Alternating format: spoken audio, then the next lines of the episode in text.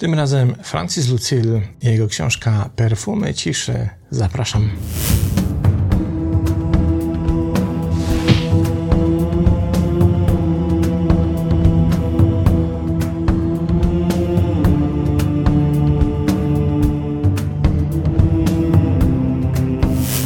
Jakoś tak się dziwnie dzieje, że wciąż w Polsce nie znamy bardzo wielu duchowych mistrzów funkcjonujących na Zachodzie i to nie takich, którzy urodzili się na Wschodzie i przewędrowali na Zachód, by tych nauk nam na Zachodzie udzielać, ale takich, którzy się tymi mistrzami duchowymi dla Zachodu stali.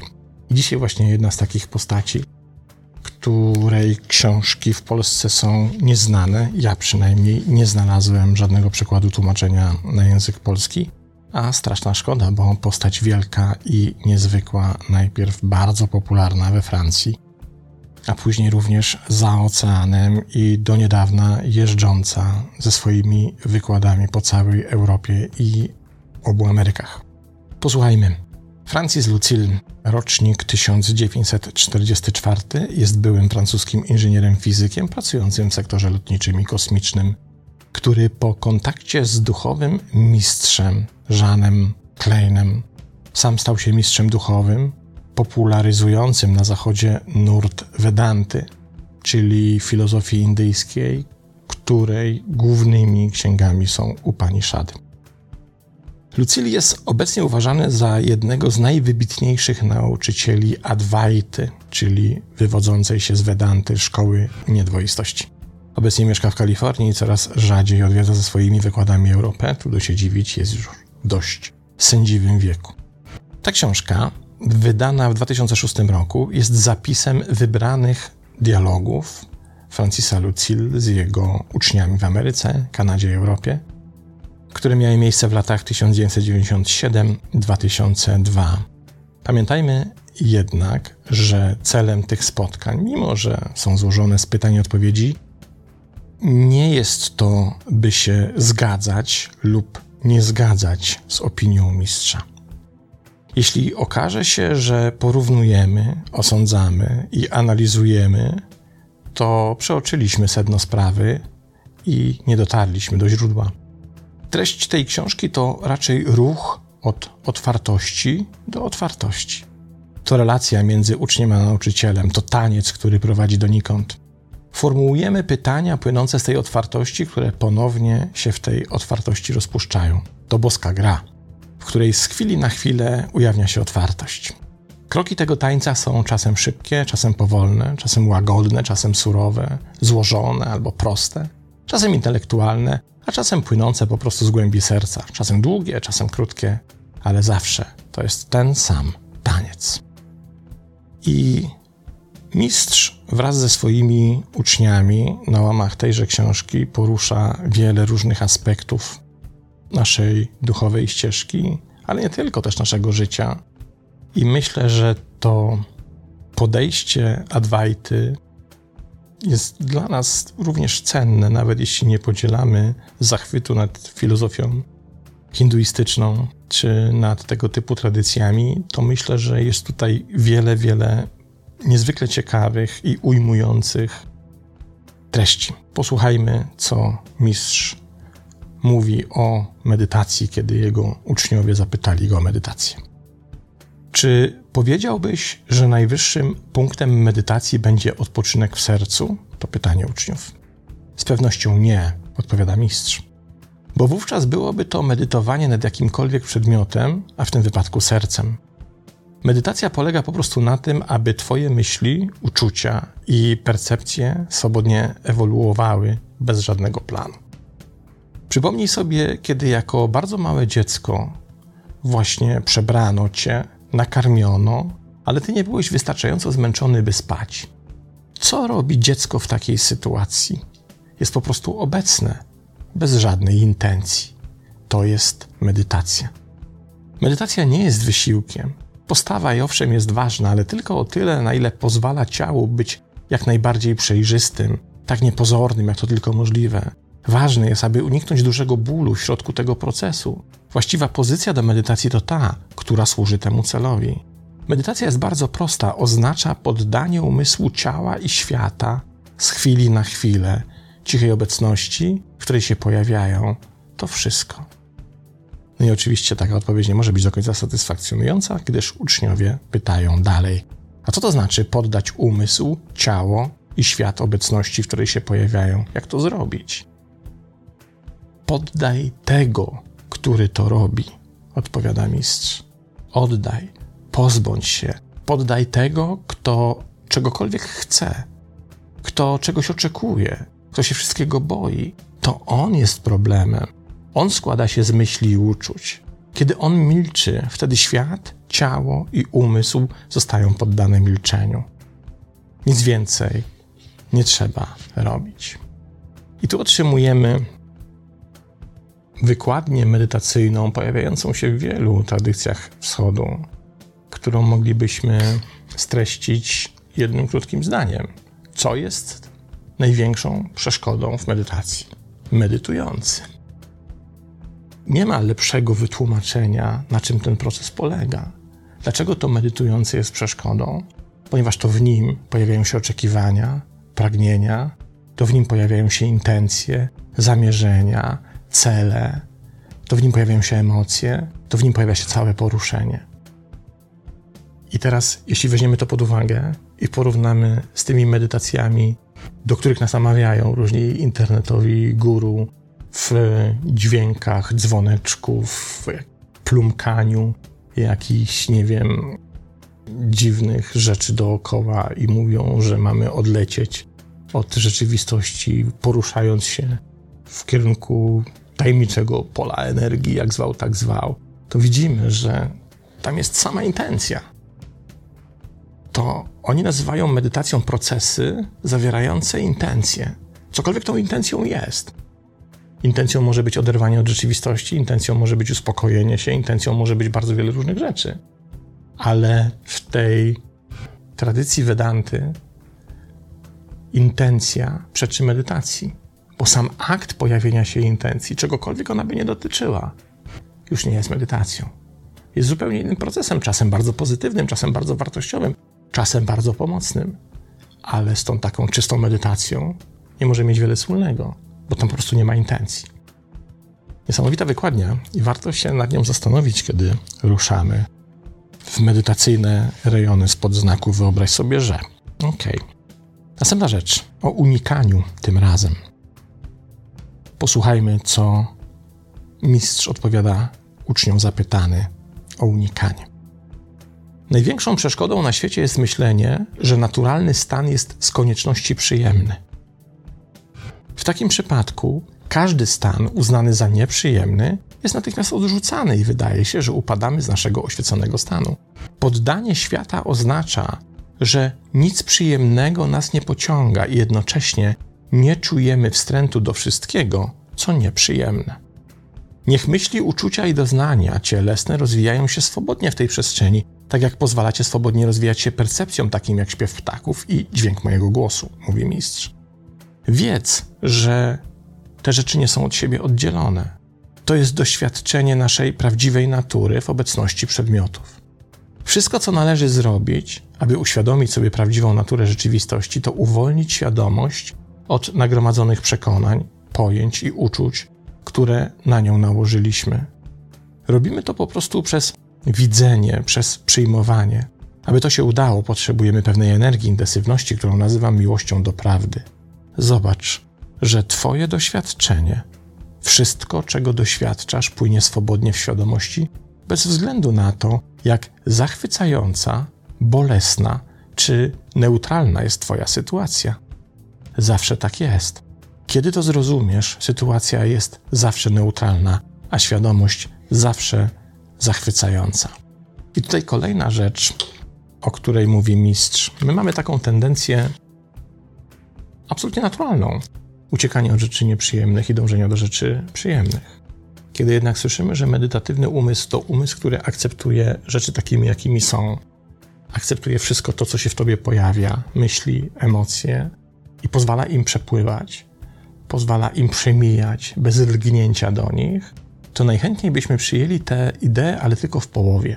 To znaczy, najchętniej byśmy zaakceptowali, że fajnie jest nie lgnąć do rzeczy negatywnych, żali, smutku, wstydu, lęku itd. Tak Ale jak już się pojawiają pozytywne, to kurczę, niech zostaną w nas jak najdłużej, żebyśmy się mogli nimi zachwycić i rozkoszować.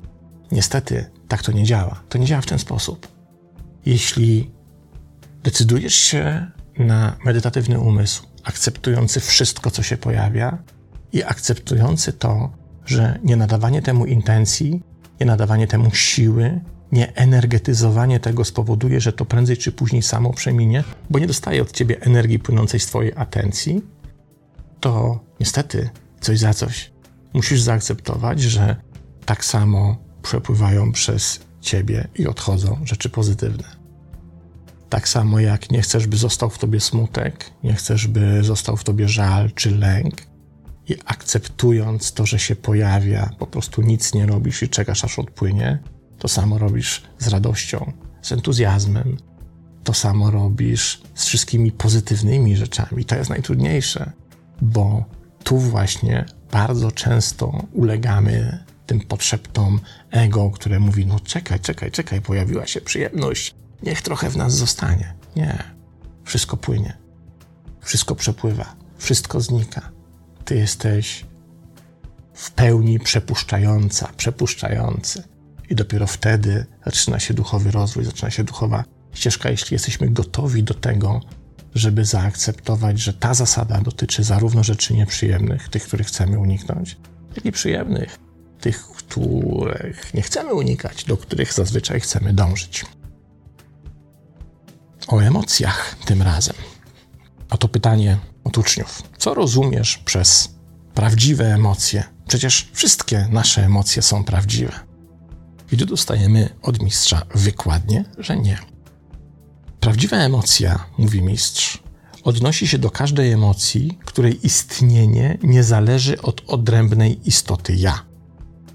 Negatywna emocja zawsze ma za podstawę tę pozorną, odrębną istotę. Można to pokazać na przykładzie lęku. Lęk psychologiczny to strach, który nie wynika z rzeczywistej sytuacji, ale raczej z projekcji wyobrażonej przez konkretną osobę na jej hipotetyczną sytuację w przyszłości. Lęk psychologiczny dotyczy bytu osobowego, podczas gdy w lęku biologicznym nie ma nikogo, kto by się bał. Obawa, że kiedyś nas nie będzie, jest wyłącznie nieodłączną cechą osobowej istoty, a ponieważ głęboko w środku posiadamy wiedzę o fałszywości tej istoty, na poziomie głębokiej świadomości taki lęk nie istnieje. Albo rozbierzmy to z innej strony. Spójrz na pragnienie szczęścia. Kiedy doświadczamy stanu szczęścia, towarzyszy mu krótki blask pochodzący ze świadomości, a nie stanu doświadczanego przez ciało i umysł. To blask naszej prawdziwej natury. Kiedy jednak błędnie interpretujemy doświadczenie szczęścia, myśląc, że pochodzi ono z ciała czy umysłu, dążymy do powtórzenia tego stanu, a to dążenie tylko wzmacnia nieporozumienie, a zatem i nieszczęście. Jeśli kategoryzuję emocje jako negatywne, dopytuje dalej uczeń i chcę się ich pozbyć, rozpalam je. Są chwile, kiedy widzę, że to nie ja i mogę je puścić, ponieważ jednak nie jestem ugruntowany w świadomości, że emocje nie są tym, kim jestem, ciągle mnie łapią w pułapkę. I teraz odpowiedź nauczyciela. W Twoim pytaniu są dwa błędy. Pierwszym z nich jest branie siebie za kogoś, kto nie jest ugruntowany i który może się ugruntować dopiero w przeszłości. Ten ktoś nigdy nie zostanie ustanowiony, bo przecież z tej perspektywy przyszłość nie istnieje. Ugruntowanie siebie w przyszłości jest tylko zamiarem, jest obietnicą, nie jest aktem rzeczywistym, bo akt rzeczywisty tego ugruntowania świadomości jest możliwy wyłącznie tu i teraz, w teraźniejszości. Drugim błędem, mówi dalej mistrz, jest pragnienie zmiany, osądzanie i potępianie wszystkiego, co się pojawia. W momencie, gdy potępimy uczucie jako złe, chcemy się go pozbyć. Kto się chce go pozbyć? Ten, kto chce się go pozbyć, ten je tworzy. Ten, kto chce się pozbyć gniewu, sam jest zły, że jest zły. Ten cykl nigdy się nie kończy, jeśli nie zobaczysz tego źródeł i mechaniki tych procesów. Jesteś wtedy jak szaleniec, który wciąż wali głową w ścianę, dopóki nie zorientuje się, co się tak naprawdę dzieje. Ta odmowa jest w nas bardzo głęboko zakorzeniona i w miarę jak coraz bardziej interesujemy się tą perspektywą, ujawnia się na różne sposoby, jednak za wszystkimi tymi twarzami kryje się jedno poczucie bycia osobą, która doświadcza poczucia oddzielenia na duchową świadomość i myśl ja, pod którą skrywa się otoczenie strachem i pragnienie ego. Ego znajduje się w centrum sieci, a sieć zbudowana jest ze strachu i pragnienia. Rdzeniem tej sieci jest myśl ja i uczucie ja. Kiedy uświadamiamy sobie strach, to tak jakbyśmy mówili: Jestem w sieci. Jeśli podążymy za siecią do jej środka, trafimy na pająka. Tak samo jest tutaj. Jeśli podążamy za strachem, w pewnym momencie dochodzimy do ego, myśli lub uczucia, że ja, świadomość jest ograniczona. W tym momencie ego staje się bezbronne, bo samo zobaczenie tego, czym jest, powoduje jego zniknięcie lub przynajmniej utratę mocy, ponieważ samo w sobie jest nieporozumieniem. Nie może tolerować bycia wyraźnie widzianym, rozumianym. Kiedy w środku nie ma już pająka, sieć jest nieodwracalnie uszkodzona i nie można jej już naprawić ani rozszerzyć. Uwolnieniem jest świadomość. Za każdym razem, gdy wplątujemy się w sieć, nie ma to większego znaczenia, ponieważ tak naprawdę w centrum nie ma pająka, który mógłby nas skrzywdzić. I tutaj warto się przez chwilkę zatrzymać i odpowiedzieć na bardzo proste, ale jakże niewygodne pytanie: kto tworzy Twoje emocje? Kto jest ich kreatorem? Kto powołuje do życia Twój lęk? Kto powołuje do życia Twój smutek, Twój żal, Twój wstyd, Twoje rozczarowanie niespełnionym oczekiwaniem? Tam jest zawsze podmiot. Tam jest zawsze ten podmiot osadzony w ego. Teraz, kiedy dobrniemy do tego środka sieci, nagle okazuje się, że tam nie ma nikogo prócz ciebie. Tam jesteś tylko ty. Więc ten, kto cię krzywdzi, jest jednocześnie tym samym, kto może przestać to robić. Ten, kto wywołuje emocje, ma nad nimi wystarczającą władzę, by przestać je wywoływać w taki sposób, by były dla ciebie destrukcyjne, krzywdzące, czy w ogóle wywierały na ciebie jakikolwiek negatywny wpływ. Pośrodku tej sieci nie ma żadnego okropnego stwora. Tam nie znajduje się potwór, ten złowieszczy pająk, który tym zarządza. Tam jesteś ty. I zrozumienie tego jest dla naszego ego wyjątkowo niewygodne i o tym właśnie naucza mistrz. Ego nie chce być rozpoznane, nie chce być zauważone, nie chce być zrozumiane, bo wtedy musi zniknąć, musi oddać pole walki. Bo widzisz, że nie ma tam nikogo prócz ciebie, kto mógłby cię krzywdzić. Niesamowita rzecz. To jest trochę tak jak w tym, w tym rozróżnieniu który bardzo często pojawia się w tradycjach wschodu, który jest stosowany w kontrpozycji do tego freudowskiego ego i superego. To rozróżnienie na ja i mnie. I to jest piękny trop, żeby zobaczyć, jak te systemy działają. Zwróćcie uwagę, że mówimy, on mnie obraził. To mnie zdenerwowało, to mnie dotknęło. I zawsze wtedy w centrum tej negatywnej erupcji w centrum tych wszystkich bodźców, które nam dokuczają, jest zawsze ten konstrukt mnie. A nie mówimy, on obraził moje ja. On dotknął moje ja. Moje ja zostało urażone. Wydaje się, że to jest tylko poziom lingwistycznego rozróżnienia, ale tak naprawdę, kiedy się nad tym zastanowić, to jest w tym jakaś głęboka prawda. To mnie jest reprezentacją właśnie naszego ego. Ono się poddaje temu wszystkiemu, czego ego od niego oczekuje, lub mówiąc przykładem mistrza, ono zanurza się w tej sieci stworzonej przez ego. Ja jest wolny od tej sieci. Ja jest wolny od mnie. Ja jest w stanie, jak to mówią mistrzowie wschodu, rozpuścić mnie, także mnie zaczyna znikać. Cudowna, cudowne przesłanie, cudowna metafora i warto się nad tym pochylić. A co powiecie na pytanie o wolność? Oto uczniowie zadają pytanie następujące: Jak osiągnąć wolność? I mistrz odpowiada: Jesteśmy wolnością. Nie możemy tego osiągnąć. Cokolwiek zostanie osiągnięte, może również zostać utracone. To, czym jesteśmy, jest wolne od wszystkiego. Na początek odkrywamy wolność, którą można nazwać wolnością od. Tak jak lustro jest wolne od obiektów, które się w nim odbijają. Odkrywamy, że jesteśmy lustrem. Później, zamiast być jak lustro, w którym wszystko się wydaje odbijać z zewnątrz, stajemy się bardziej jak telewizor, w którym wszystko, co pojawia się na ekranie, jest tworem telewizji.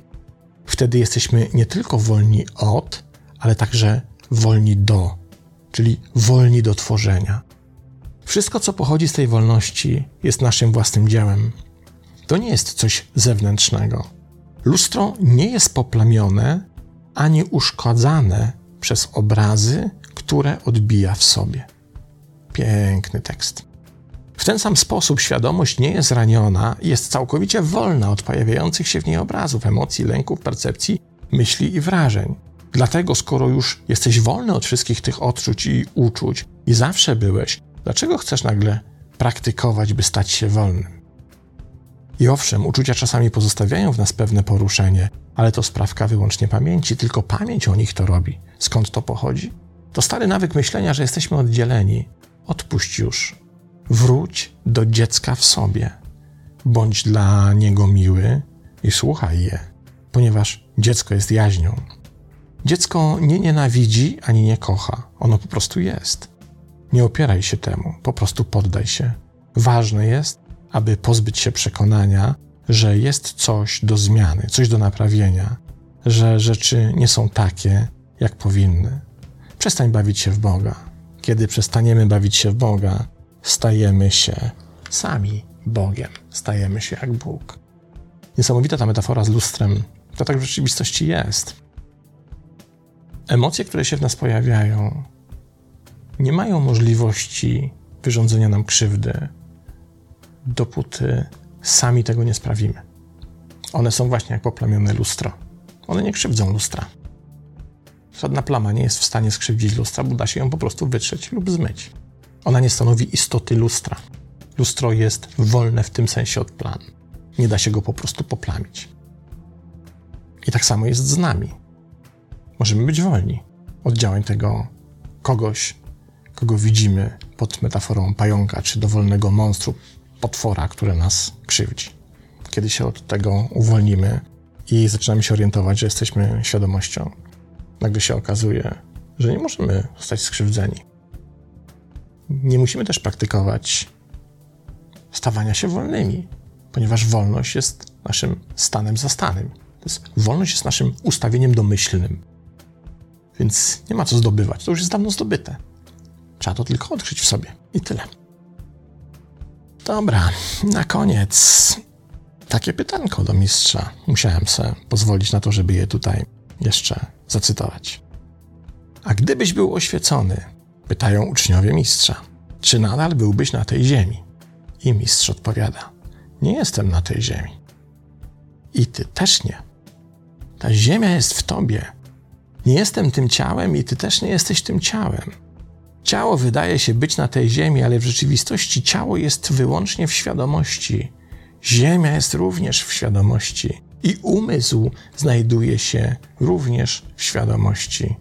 Taka jest cała prawda naszego doświadczenia. 2006 rok. Francis Lucille. Perfumy ciszy. Taka książka. Wielka szkoda, że nie ma jej u nas, bo myślę, że bardzo by się przydała. To tyle. Pozdrawiam i do następnego razu.